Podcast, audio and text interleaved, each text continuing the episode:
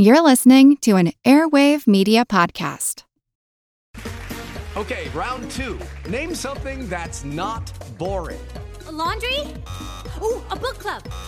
Computer solitaire, huh? Ah, oh, sorry, we were looking for Chumba Casino. That's right. ChumbaCasino.com has over 100 casino style games. Join today and play for free for your chance to redeem some serious prizes. ChumbaCasino.com. No purchase necessary. Full prohibited by law. 18 plus terms and conditions apply. See website for details. Hey there, I'm Dylan Lewis, one of the hosts of Motley Fool Money. Each weekday on Motley Fool Money, we talk through the business news you need to know and the stories moving stocks on Wall Street. On weekends, we dive into the industries shaping tomorrow and host the experts, authors, and executives that understand them. Tune in for insights, a long term perspective on investing, and of course, stock ideas. Plenty of them. To quote a listener, it pays to listen. Check us out and subscribe wherever you listen to podcasts. This is Kick Ass News. I'm Ben Mathis.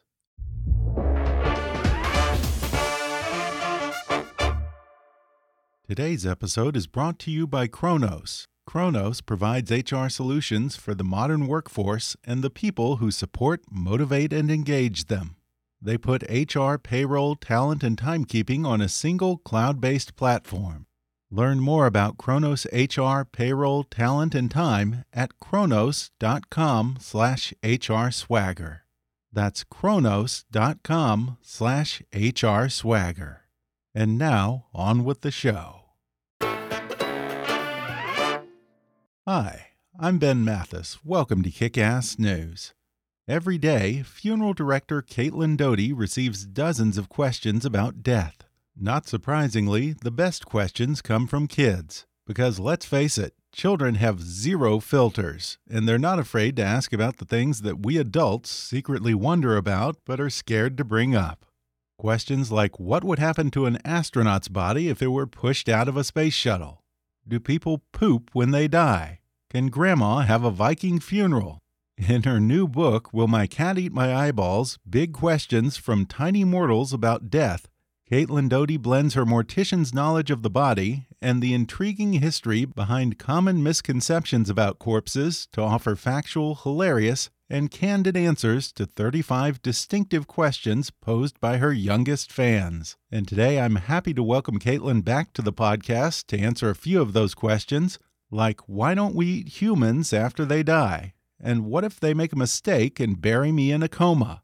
She reveals why it's illegal to own or sell human remains, but you might be able to own human bones, and discusses how strict laws intended to prevent necrophilia also put a real damper on how a corpse can be displayed and disposed of.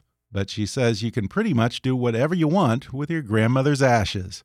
Speaking of cremation, she explains how a whole person can fit into that tiny urn, what happens when a cemetery runs out of room, and unravels some famous movie myths about death. Plus, she takes me behind closed doors at a funeral directors convention, opens up about a mortician's worst nightmare, and why superglue may be a mortician's best friend. Coming up with Caitlin Doughty in just a moment.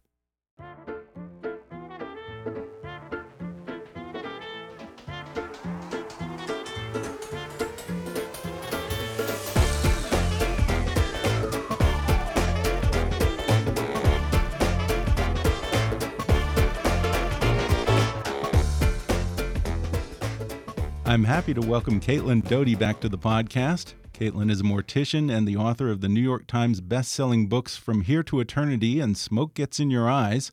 She is the creator of the Ask a Mortician web series and founder of the Order of the Good Death. Now she answers your questions about death, dying, and what happens next in her new book, Will My Cat Eat My Eyeballs? Big questions from tiny mortals about death. Caitlin Doughty, welcome back. Thank you for having me back. Last time we spoke about your previous novel, From Here to Eternity, in which you explored the myriad of funerary traditions around the globe and compared them to our relatively limited options here in the U.S. I'm curious, before we get into the new book, has there been any progress on that front since then, or, or are we still slaves to the whole funeral industrial complex? We're definitely slaves to the funeral industrial complex, yeah. but I, I do think it's getting better. Just a month or so ago, we I talked about this in From Here to Eternity. The idea of human composting, the mm-hmm. idea of introducing that as a disposition option. You could cremate, you could bury, or you could compost your dead. When I wrote about it just a couple of years ago, I thought there was no chance of legalization of that process for years and years and years. And wouldn't you know it, it is now legal in Washington state Oh, to Oh, really? compost your dead. Is that the only state where that's being considered right now? Only state that passed? it's currently it's only passed and and you know it'll still be a year or so before it comes into being, but it's the only place that it's legal. But the fact that we were able to appeal to environmentalists and appeal to the Yeah. idea of people being able to choose what they want done with your body because something like human composting Yeah. you tell some people that and they go oh what a horrific soylent green future and then you tell other people and they go wow that's the first thing i've ever heard that makes me feel okay to die Yeah. I'm a composter. I'm a greenie. That's this is exactly what I want. So that's why you got to have options. For Yeah, people. and it's the most natural thing, really. I mean, we've been composting ourselves after we die, or not composting ourselves, but have been decomposing, uh, Basically. and feeding nature uh, from for time in memoriam, I guess. And the earth is already a hmm. fantastic decomposer. That's mm-hmm. you know that's why. Yeah. we bury body just straight in the earth so we can decompose in a natural burial. But the idea behind this composting is it goes faster and it can happen in an urban environment. You're not mm-hmm. buying a piece of land to decompose. You can go to almost like a center, like you would be cremated at a crematory. You can be composted at this recompose facility, and it ends up with this nutrient-rich soil that you Wow. have completely. You, the human body transforms completely into soil. Uh, I'm curious, what is it like for you when I'm, I'm assuming there are conferences and conventions for funeral directors and morticians, just like any other trade. How do other other people in the industry, especially those who work for quote unquote big funeral, react to you when you're at something like that? Are you shunned? Are you embraced? Are you seen as an agitator? I'm definitely seen as an agitator, but I spoke last year at the National Funeral Directors Association, and I'm speaking again this year at Really? the National Funeral Directors Association. And if you had told me three, four, five years ago that they would ask me to come speak, I would have laughed you off the stage. Like I would never have believed. So I really think that the people, I guess you could say, in power are waking up to the hmm. idea that my voice is not a flash in the pan, that my colleagues' voices who want greener death options, more low income options, more family centered options are not a flash in the pan. And they have to pay attention to us if they want to move forward into the future of death. And I'd say there's three categories of funeral professionals. There are those who are totally on my side and with me and doing the same kind of advocacy and work that I'm doing. There are people who are in the middle who don't totally get what I'm going for, but they could see how some of it would be really useful with their families and they mm. ask a lot of questions about how they can integrate some of these ideas. And then you have the real old school guys who just think that I am an attention seeking starlet, fame Really? hungry agitator, you know, just de- demoness. Like they just they just could not dislike me more. And you know, I think for a lot of people, they say that means you're doing something right. hmm Yeah, yeah, I would say so. Well, What is it like at the Funeral Directors Association conference? Does it get wild? Do people hook up? Like, Well, it's a lot of. I mean, I'm not going to the right parties, I think, Oh, for okay. that. But it's interesting when right I'm there. I probably Kind of yes, yeah. Fun- some funeral directors go hard, I think. but when I when I go and when I walk the floor, the convention floor, which is just as surreal as you think it is, like it's basically a trade, like a car trade show, except the cars are hearses and you know Caskets. caskets and exactly what you'd, you'd think it would be on a big convention floor. And I'll have usually an older white man in a suit walk up to me, and I never know what that conversation is going to be. It's sort of this moment of tension where is this guy going to say, I love what you do, I do Yeah. the same thing in Oregon? Or is he going to go, you know, basically confront me for my anti funeral industry views? and you kind of, it's that moment of like, what is this man going to say to me? what do you look for in a good casket? I'm just curious. I mean, there's uh, apparently there are a million different options of caskets out there. So, There are. It depends on who you're talking to. What I look for in a good casket is very different than what someone in the more traditional industry would say is the best casket. Personally, my favorite thing is a simple, unbleached cotton shroud. that Okay. decomposes quickly. The caskets that we sell at my funeral home are wicker and bamboo and seagrass and these Okay. decomposing very quick to go back into the earth. Okay, so they're not those big, heavy No, mahogany, don't lots of those. chrome or we don't sell those, Yeah. but funeral homes traditionally love them, and they Oh, love yeah, selling a something called it makes a fortune for them, and it's something called a sealer casket that they really like, which is paying extra money to have a seal, a rubber seal, gasketed seal around the edge of your casket, and the idea is it protects grandma from the ravages of underground and how it. But for me, the point is to decompose and to get to go back into the earth as opposed to the fortress we put around Right. most of our dead bodies in a typical American Right. cemetery. I assume that the gasket was required by law. That's It's not true. that's not true. Yeah, that's I'm funeral directors would love you to believe that. Yeah. And you know, I I don't want to um, I don't want my whole thing to just be dumping on other funeral directors, Sure. but here's what I say to them. The moment that a family can come into your establishment and not told that it is illegal to not embalm a body or Mm-hmm. illegal to not have this huge casket with a seal around it, both of which are completely fine if you want to bypass, completely legal to bypass. If the family doesn't know that and they're made to feel like it's a legal requirement for them to pay for all these things, then I can't stand behind you. You need to change that. You need to be honest with people about what they are empowered to do. hmm And in your opening of your latest book, Will My Cat Eat My Eyeballs? You reiterate your mission of not only taking on kind of big funeral and opening up people's options, but destigmatizing death and making it acceptable to talk about. What do you think is the biggest hurdle to quote unquote death acceptance? Why are we so weird about it? We're so weird about it because the culture is just set up to mm-hmm. have us fail in the conversation. so we really had a time, a period in the 1800s and prior to that in the United States where death had to be an open conversation. Mm-hmm. People were dying left and right. The family took care of their own dead.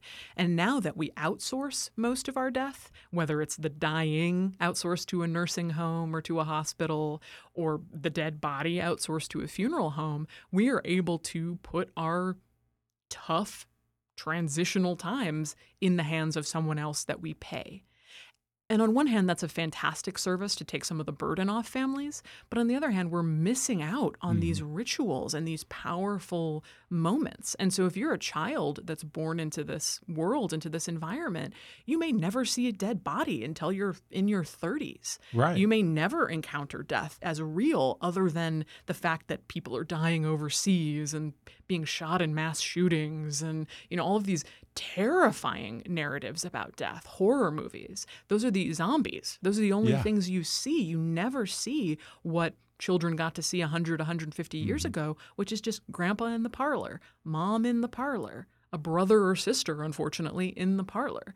And I'm not arguing for return to higher infant mortality, to be clear. I don't want more death. But when someone does die, making it normal, making mm-hmm. conversations about it normal. If grandpa died last year and your eight year old is saying, What's he doing underground?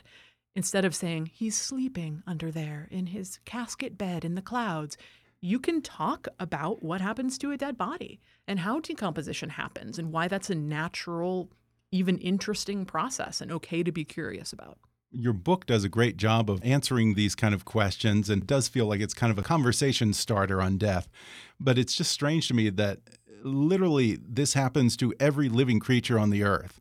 And yet we're so weird about it. You know, anyone who tells you they don't think about their own death is just a liar. Yes. But no one ever wants to vocalize it. It's so odd. It is. And people always say, people treat my advocacy as a niche thing. It's this weird niche thing that this morbid girl does.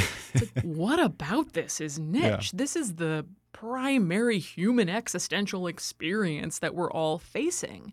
And the reason that it's interesting to answer questions from kids is that we all reach a point probably about seven, eight, nine, where we realize that death is final mm-hmm. and that everyone around us is going to die. And that's a harsh, cruel awakening that some people never really recover from mm. in their lives. Yeah. And if we can be more open, the way we try to be more open about sexuality or about religion or about just open to having these hard conversations, death needs to be included mm-hmm. in that. So these are questions that children have asked you. Yeah, they're children. right? They're all Okay. yeah sourced from I say free range organic children. Yeah, who have no filter. And so No it's great. So it, uh, filter. in many cases, they're asking the questions that everyone thinks, but we don't want to be weird about it. Exactly. And the title comes from a a kid that I was in Australia and he asked that question, when I die, when my will my cat eat my eyeballs? and immediately my brain just fired. I was like, that's such a, an amazing way to ask that question. Yeah.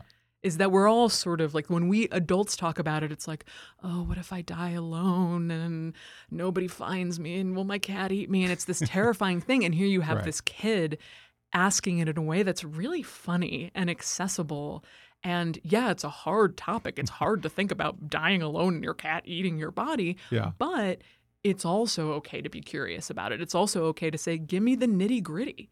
Let's Yeah. talk about it. Let's Yeah. let's actually know the answer to this. I mean, in every encounter I have with a cat, I sit there and I wonder if they're going to scratch out and eat my eyeballs just when I'm alive. I mean, and, and the answer We is don't get you know, along well. spoiler, it will it Yeah. will take a while, but Okay. eventually they will eat you. They are they are share some like Mm-hmm. ninety eight point seven percent of their DNA with lions. You know, they are they are creatures and big charismatic animals like bears, lions, tigers, they will eat dead animals. They'll eat carrion if they come across it. They're not, yeah, they're apex predators, but they're not above eating a pre dead Yeah. meal because it's available to them. And cats are the same way. They, of course, just want to eat their normal food like you've trained them to do. But if you're not responding and not feeding them for days and there's a food source right there, they'll go for your lips, they'll go for your eyelids, they'll go for the soft, Yeah. accessible parts of you. Okay. That may But the eyes might not be the first? The eyes are definitely not the first. okay. They're not like They're the crown jewel Lower on the the meal. food pyramid. They're lower on the food Okay. pyramid, but they may get there. Now, I want to go through some of my favorite questions from here. First one uh, Can I keep my parents' skull after they die? People seriously ask that. What, what do they want to do with it? They want to make an it. ashtray or do a, a very, very realistic production of Hamlet? exactly mostly a realistic production of hamlet i think i this is one that i will say people don't usually ask it when they come into the funeral home with an actual death it's Okay. more of a i It's a think it's something that thing. people are really theoretically interested in probably more than like i'm ready to sign the paperwork right now Mhm. but what I've discovered, and there aren't any super clear answers about this, but in Hmm. talking to human remains experts and the various people that I spoke to, I just don't see any way that it can legally be done in the United Okay. States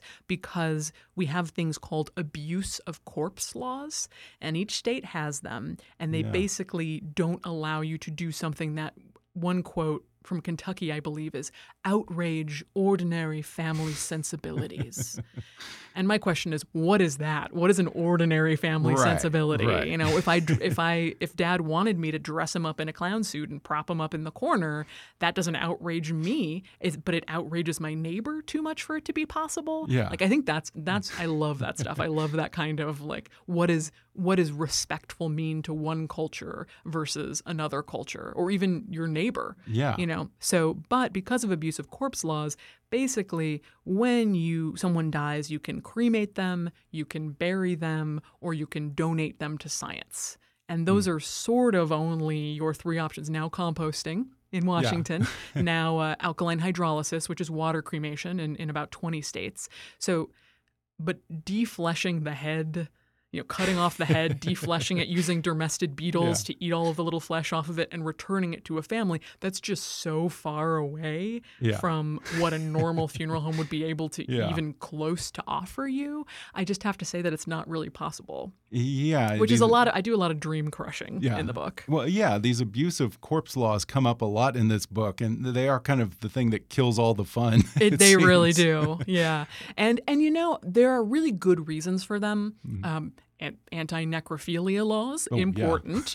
um, the idea of not exploiting bodies that Mm-hmm. don't want to be exploited because we have a whole pretty dark history in this country and other Western countries of digging up bodies, stealing bodies, taking Mm-hmm. marginalized people's bodies and putting them on display or autopsying them or studying them without their consent. They're just stolen. Wow. And so the abuse of corpse laws are really put into place to prevent that sort of thing from happening to people who just want their body nicely buried. Yeah.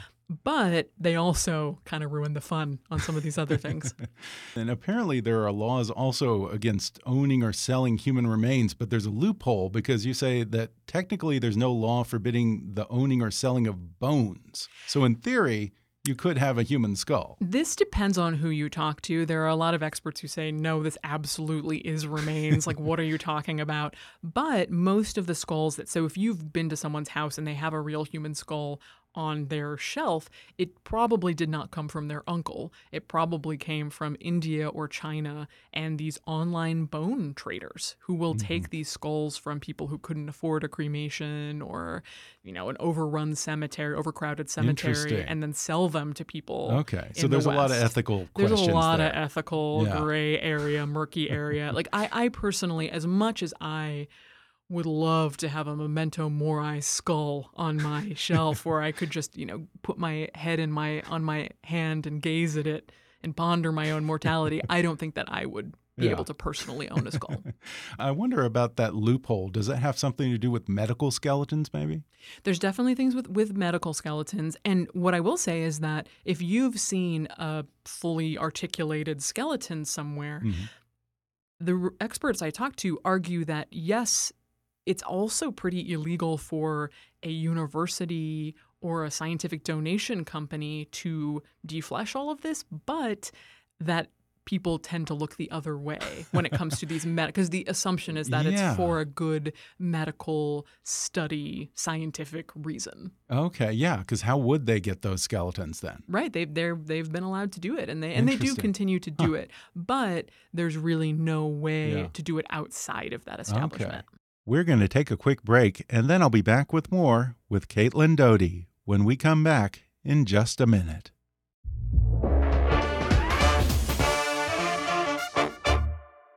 There's a reason they made a movie about two men defying great odds to get some White Castle sliders. They're really that crave worthy. And now you can make those same delicious sliders at home with White Castle's microwavable sliders. White Castle sliders from the grocery store have that same one of a kind taste that White Castle has been serving in their restaurants for years. From their unique signature buns to their 100% beef patties, which are cooked on a bed of steamed grilled onions, these sliders come in a variety of flavors that are made to be enjoyed. Craving something spicy? The jalapeno cheese sliders are sure to give your day that tasty kick it needs. Or if you're hungry for something a little more traditional, their cheese sliders are the perfect choice. Folks, I've been hearing about how good White Castle burgers are for my entire life. And then a few years ago, I was in Chicago one night and asked my buddy who lives there to take me to a real White Castle's restaurant. Believe me, I didn't have to twist his arm. White Castle burgers were his favorite treat since childhood, and he said he just about lived on them when he was in college. That's the night I got hooked on White Castle's cheese sliders. I'm not embarrassed to say I probably ate about a dozen of them that night. There's just something so simple and satisfying about meat, cheese, and onions on those pillowy soft buns. It was a tough adjustment when I came back to California, and there weren't any White Castle restaurants to be found, and man, I searched. But now, White Castle has come to the rescue with sliders in my local grocery store. You know that White Castle burgers are iconic, and their fans like me aren't going to settle for anything less than an authentic White Castle experience. So I'm thrilled to say that their microwavable sliders really do live up to the name White Castle. Just 60 seconds in the microwave, and it takes me back to that night in Chicago so many years ago. From the castle or the grocery store, you can satisfy your craving anytime with White Castle. Go to whitecastle.com/kick to get $1 off the purchase of any 4 or 6-pack White Castle sliders. If you found $100 on the street, would you pick it up or keep walking? Of course you'd take the money. So why do you keep picking winners and not betting on them? That's why you should check out MyBookie. It's fast, it's easy, and they pay when you win. Because where you're betting is just as important as who you're betting on. Do the smart thing. If you're going to bet this football season, bet with MyBookie. Did you know that you could bet on games after kickoff? If by the second half it looks like your bet's going to lose, you can always just take the other side. If you're the kind of person who likes to bet a little and win a lot, try a parlay. If all your picks come through, you'll multiply your winnings. And no matter how you bet, the NFL season is the best time of the year. Join now and MyBookie will double your first deposit. Use promo code KICKASS to activate the offer. That's promo code KICKASS. Visit mybookie.ag today. You play, you win, you get paid. If there's something interfering with your happiness or preventing you from achieving your goals, BetterHelp Online Counseling can help. BetterHelp offers licensed professional counselors who are specialized in issues such as depression, anxiety, relationships, trauma, anger, family conflicts, LGBT matters, grief, self esteem, and more. Connect with your professional counselor in a safe and private online environment and get help at your own time and at your own pace. Anything you share is confidential. And it's so convenient, you can schedule secure video or phone sessions as well as chat and text with your therapist. If for some reason you're not happy with your counselor, though, you can request a new one at any time for no additional charge. Best of all, it's a truly affordable option. Our listeners even get 10% off your first month with the discount code KICK. So why not get started? Go to betterhelp.com/kick. Then simply fill out a questionnaire to help them assess your needs and get matched with a counselor you'll love. That's betterhelp.com/kick. And now, back to the podcast. Someone asks you, how does a whole corpse fit into a tiny box or an urn after it's been cremated? I've wondered that myself. Well, we have the answer for you. And it's usually about so when you look at a human and you can have someone who is six foot five and incredibly skinny, and someone who is five foot feet and weighs twice as much as the mm-hmm. skinny person. Right. But the man who is six foot five is his ashes are going to be a lot heavier than the woman who maybe had a lot of weight or excess fat on her because fat is inorganic. Mm-hmm. Or it's or sorry, it's organic material that mm-hmm. burns away during the right. process. So all the organic material burns away in the incredibly high 1800 Fahrenheit degree temperature of the cremation chamber. And so, in that incredibly high heat, all the organic material burns away, and what you're left with is inorganic bones.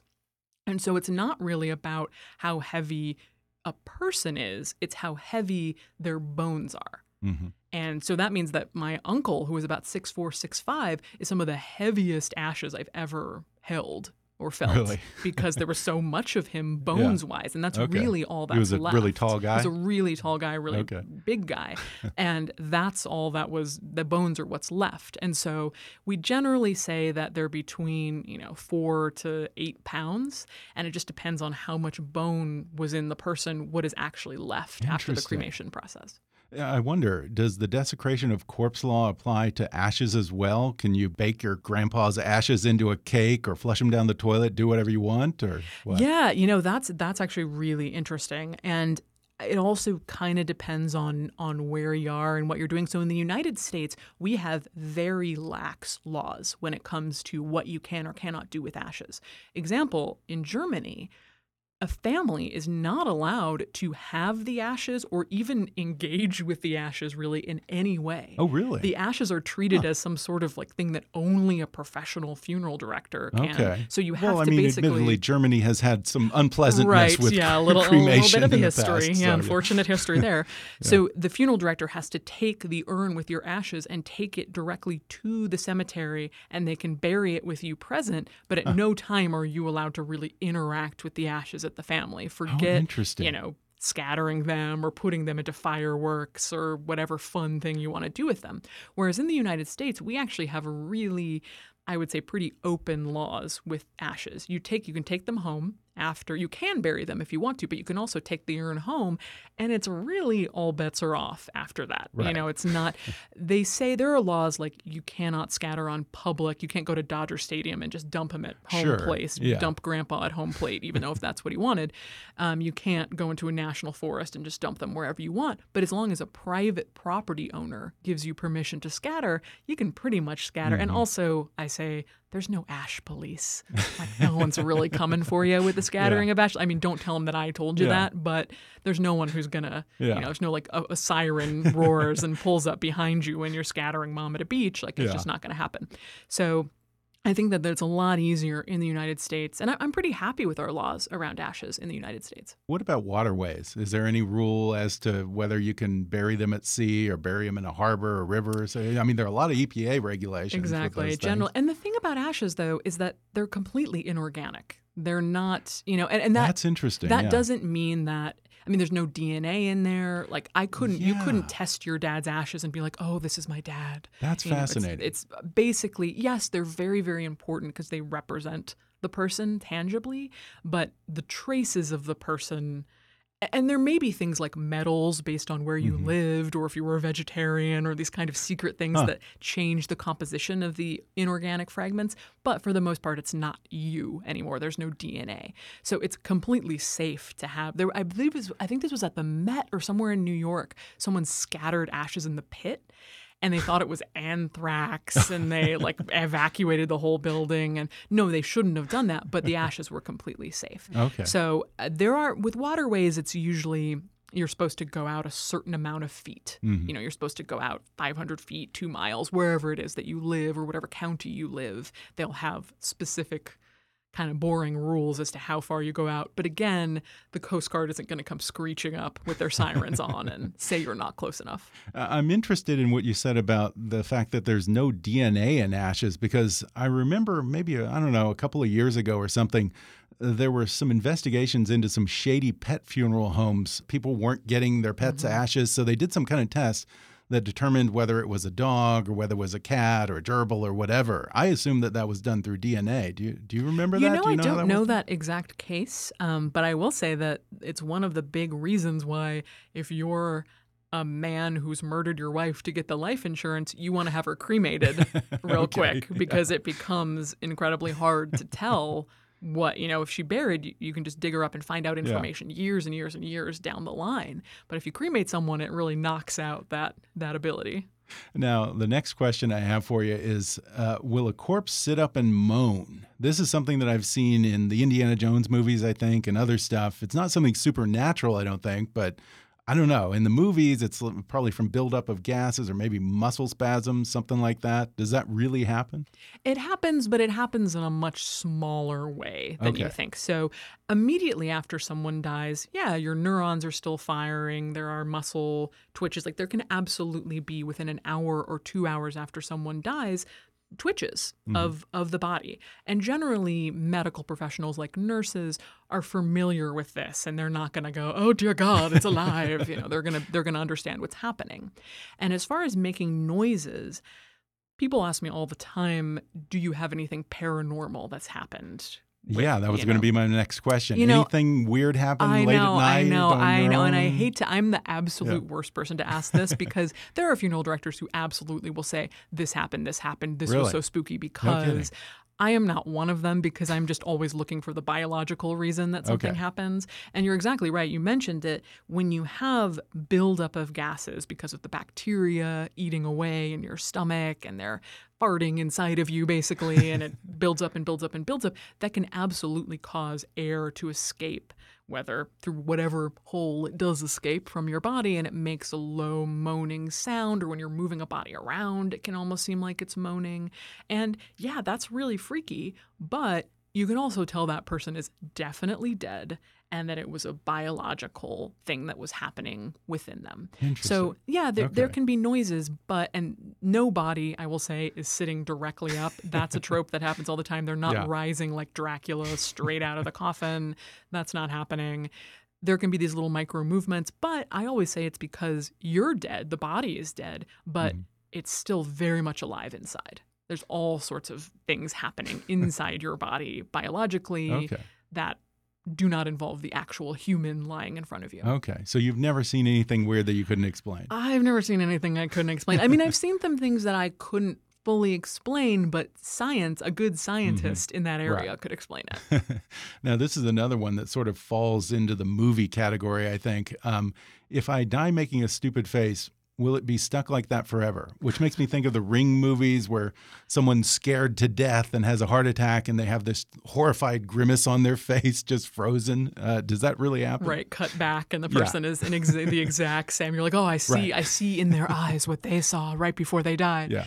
Uh, no, it doesn't. No? Um, I do Oh. talk about a very specific loophole that's really controversial in forensic circles. That's about this moment of cadaveric spasm where something can almost the death is so violent and so shocking that some part of you can freeze. And it's usually not your face it's your hands curled up or or um, you know something in you that that curls up instinctually or within physiologically within your body.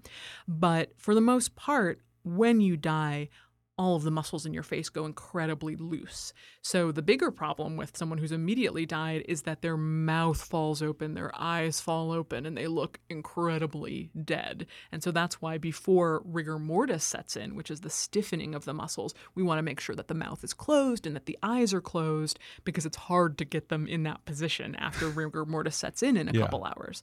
So but it, it does not happen that your face will freeze immediately at death and stay in that in that position. And, and doesn't rigor mortis, I don't know if it passes, but sort of eases up and the feel or the texture of the body changes after a few days, right? Exactly. It yeah, it's called break. So Okay. the the timeline, and this depends on how humid it is, how you know Yeah. what latitude you're at, you know, all of these different factors. But the body for about the first three hours or so is incredibly loose and pliable, and you can really put it in any position that you would like. Mm-hmm. And then for starting at that point, and then for roughly the next 24 to 36 hours, it's in rigor mortis, which means it's incredibly stiff. All it's actually the muscles. It's not the bones. It's the muscles that stiffen up and get very, very tight. And then it will break either by the funeral director manipulating the body to make sure and massaging it out to make sure that it that it breaks, or it just happens naturally after a certain amount of time. Okay. Now, there's so many of these that I've wondered myself, so this is kind of fun for me. Yeah, of course. One of them is what happens when a cemetery is full of bodies and can't add any more? I've thought that many times. And people, I think that especially in the United States, it's talked about as a bigger issue than it really is. Mm-hmm. And the reason that I think that is because if you've ever flown over the middle of the country, you know Right. that we have room as a big country to have more cemeteries. Mm-hmm. But the fact is, people want to be buried near where they're from. Mm-hmm. So there are problems in Los Angeles and New York and Chicago and Seattle. Those are the big cities are the problems with overcrowded cemeteries and cemeteries that frankly just a plot cost ten thousand dollars, cost twenty thousand dollars, just too much for the average Yeah. family. In Los Angeles, some of our fancy funeral you know, cemetery establishments, we're talking hundred thousand dollars mm-hmm. for a plot. It's it's pretty bonkers. So there's all sorts of things that are potentially to do, but something I've been fascinated about recently is the idea of grave recycling. And this is so Okay. interesting because it's what most other countries in the world do. That's right. I remember that from your last book. Is the idea that you only get a certain amount of time in your grave. You're Yeah. leasing a grave. You're not owning a grave. You're right. It's like Not renting an burial in apartment. In, perpetuity. Exactly, and it's not a perpetual Yeah. perpetual burial, perpetual care of a cemetery. So when grandma goes in, so I was just in Brazil recently, and they have something called the necropole, which is 13 or 14 stories high. It looks like a resort hotel, but it's all crypts. It's all mm-hmm. burial, and they only get three years in their crypt before they are then Wow. removed and the last little bits of flesh are taken off and those bones are either cremated or mm-hmm. they're put in an ossuary which is a special place for bones. And then that spa- spot is opened up and new people can go in. Um, so i think it would really behoove the united states to think more critically about that mm-hmm. and if that's something that we're willing to do Here's the thing that I've wondered about it, though. What happens financially when a cemetery fills up? Because you know, tell me if I'm wrong here, but my perception is that most cemeteries are essentially a pyramid scheme, aren't they? I mean, they have to keep bringing in new quote unquote paying bodies in order to cover the cost of the maintenance and security, including all those old graves that aren't paying and they may be 100 years old. I've never said it that way, but that's actually a pretty good way to put it. Um, exactly. And I think that there are a lot of, if you go to, say, New England and you just can't swing a cat without finding an old old timey cemetery from the Revolution era or the Civil War era. There are just everywhere these Yeah. old cemeteries, and a lot of them are in intense disrepair or the headstones Okay. are crumbling or falling beneath. And that is potentially the future for a lot of our cemeteries Yeah. because, yeah, you're paying for perpetual care. You're supposed to be paying for forever when you buy this plot. But if the whole thing fills up, where's that money really, you know, Right. unless you've really thought it out and set it up right, or you can get more land next to it to right mm-hmm. continue to bring in more fresh money mm-hmm. to keep everything going it's going to be a problem. And they've had issues in chicago and a couple different cities recently with just real neglect of of older cemeteries. Is it a situation where I don't know, public entities like cities and counties are taking them over eventually? Because at a certain point, no one wants to pay for that. Exactly. They do sometimes, but we also have a, a long history in the United States of people building targets over these types of cemeteries or Right. building freeways or just bulldozing in and, and Mhm. kind of ignoring the the people who were buried there, Mhm. especially if they weren't wealthy people or white people or, you know, the kind of cemeteries Right. that historical societies would come in and say, wait, no, no, no. Stop, stop the bulldozer. Like, you know. So it, it, it is, uh, and it- but I also think that this is part of the conversation to have is should the goal then be forever? You know, should the goal be we have to maintain this grave forever? And if it's important to you and your family, then the answer is yes. But if maybe you're willing to say, maybe I'll have a natural burial, and maybe it's okay if I decompose into the ground and my entire body is gone within a couple of years. You know, and I completely become part of the earth, and then you put a plaque with my name on it Mhm. nearby. You know, is that just as valid as the idea of here's my headstone forever and ever? Now, another form of uh, renewable corpse disposal comes up in the book. Uh, someone asks you, I don't know who asked you this, but we eat dead chicken. Why not dead people? I'm not opposed to that. I mean, in this day and age, it's cruelty free meat. A, you know, it's environmentally conscious. And I mean, if we die in the wild, something's going to eat us, whether it's maggots or coyotes, anyways. So, Might as well be another human. I think that what they've discovered and what science has discovered is that beyond the general taboo, although there are many tribes historically that Mm-hmm. have or in or groups that have used mortuary cannibalism, which is the idea of eating your own dead. Mm-hmm. right. And so it's not a, you know, we're going to steal the skull of another tribe. It's it's simply we consume our own Mm-hmm. dead for a myriad of reasons like bringing them back into the fold, Right. keeping them alive through this kind of cannibalism. When you really get into it, it makes a lot of sense while they're doing it. But the idea, the real science behind it is that humans just don't provide a lot of good calories and a Oh, lot okay. of good proteins that other animals do. So I think that at a certain time, evolutionarily, if humans had proven to be this incredibly delicious, like nutrient rich, like bang for your buck type of meat, then our history might be a little different. but they're just, they're really not. They're not that good. They're, we're a lot of fat. We're a lot of like stringy, not very good meat. We don't have a ton of calories to us. So I think it's, we're just not a great food source. Okay. Another question in here is what if they make a mistake and they bury me in a coma? Now, this is something that actually used to happen. They used to have the caskets with the bell attached to the gravestone in case you got buried. Does that still happen anymore? It was a real? Victorian preoccupation Yeah. of the idea that we're going to be buried alive. And they would do these pretty intense tests, like sticking needles under your nails and in your heart and in your eyeballs, which, of course, if you actually weren't dead, waking up to have a needle through your heart might kill you Mm-hmm. Right. anyway.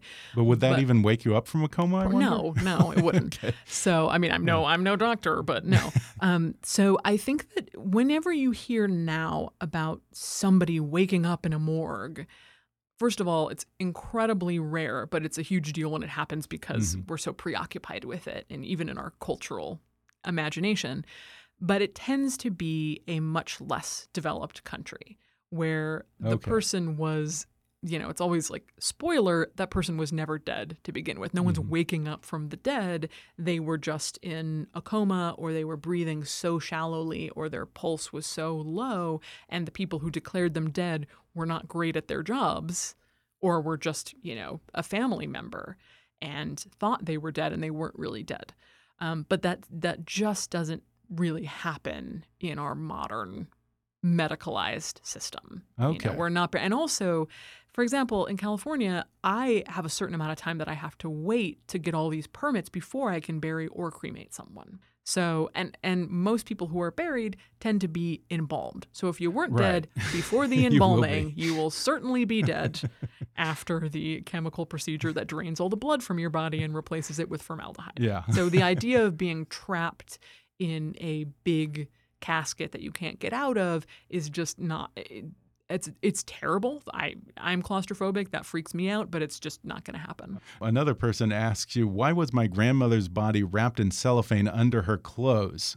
This one gets to what I think is the bane of every mortician's existence, right? Leakage. Leakage, yeah. It's sort of like Mufasa, like ah, it's all morticians. It's it's the idea. There's many reasons that a body would leak. First of all, wounds after you die do not heal. Okay. So once once it's over, there's no more healing, regenerating of the skin, no more regenerating Okay. of, of healing a wound after someone Okay. dies. So if they had bed sores or they had some Oh, okay. some wound on Not them as they're stab dying, wounds or not just like stab that. wounds. No, I mean uh, older Wow. people, especially in nursing homes or incredibly med- medically fragile people, tend to have wounds that Mm-hmm. are being treated, but again, they're not going to heal. Um, there's something called edema, which is the buildup of fluid in the body that that will literally leak out really through the skin.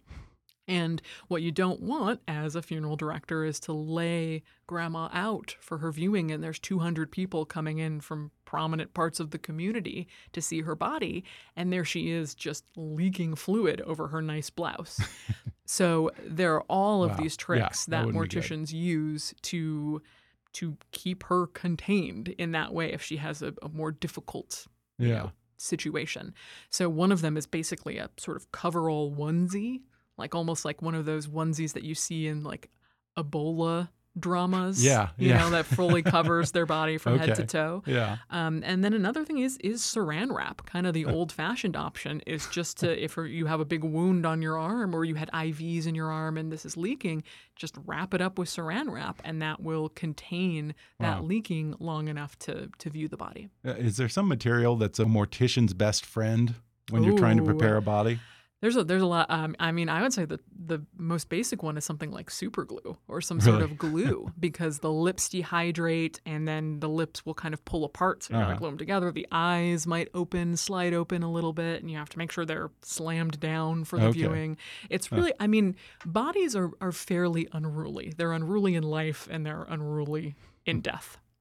Well, real quickly before we go, I'm curious have you given much thought to what happens when you die? Whether or not there's an afterlife? Is that something that you think about much? I think about it. I personally have really come to the conclusion that I don't go anywhere, that I go into the void. And the, the mm-hmm. idea of the void really haunts a lot of people, the Sure. idea of floating around in nothing blackness. But this is an old oldie but goodie, understanding that you didn't, you weren't conscious before you were born. Right.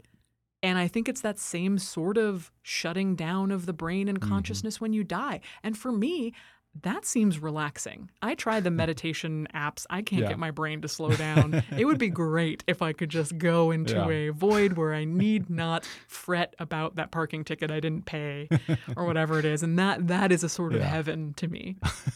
well, again, the book is called Will My Cat Eat My Eyeballs? Big Questions from Tiny Mortals About Death. Caitlin Doughty, thanks so much for talking with me. Thank you for having me back. Thanks again to Caitlin Doughty for coming back on the podcast. Order her book, Will My Cat Eat My Eyeballs? Big Questions from Tiny Mortals About Death on Amazon, Audible, or wherever books are sold. Follow her on Twitter at, at The Good Death. Subscribe to her YouTube series, Ask a Mortician, and learn more at CaitlinDoughty.com or OrderOfTheGoodDeath.com. Whatever struggles you're facing, from depression and anxiety to trauma and grief, BetterHelp can connect you with a professional counselor in a safe and private online environment. It's so convenient you can schedule secure video or phone sessions as well as chat and text with your therapist. And anything you share is completely confidential. Best of all, it's a truly affordable option. Our listeners even get 10% off your first month with the discount code KICK. So why not get started? Simply go to betterhelp.com/kick and fill out a questionnaire to get matched with a counselor you'll love today.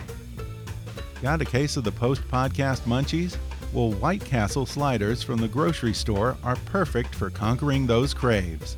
Made with 100% beef patties on a bed of steamed grilled onions, it takes just a few minutes to make your very own mouth-watering, one-of-a-kind tasting White Castle sliders.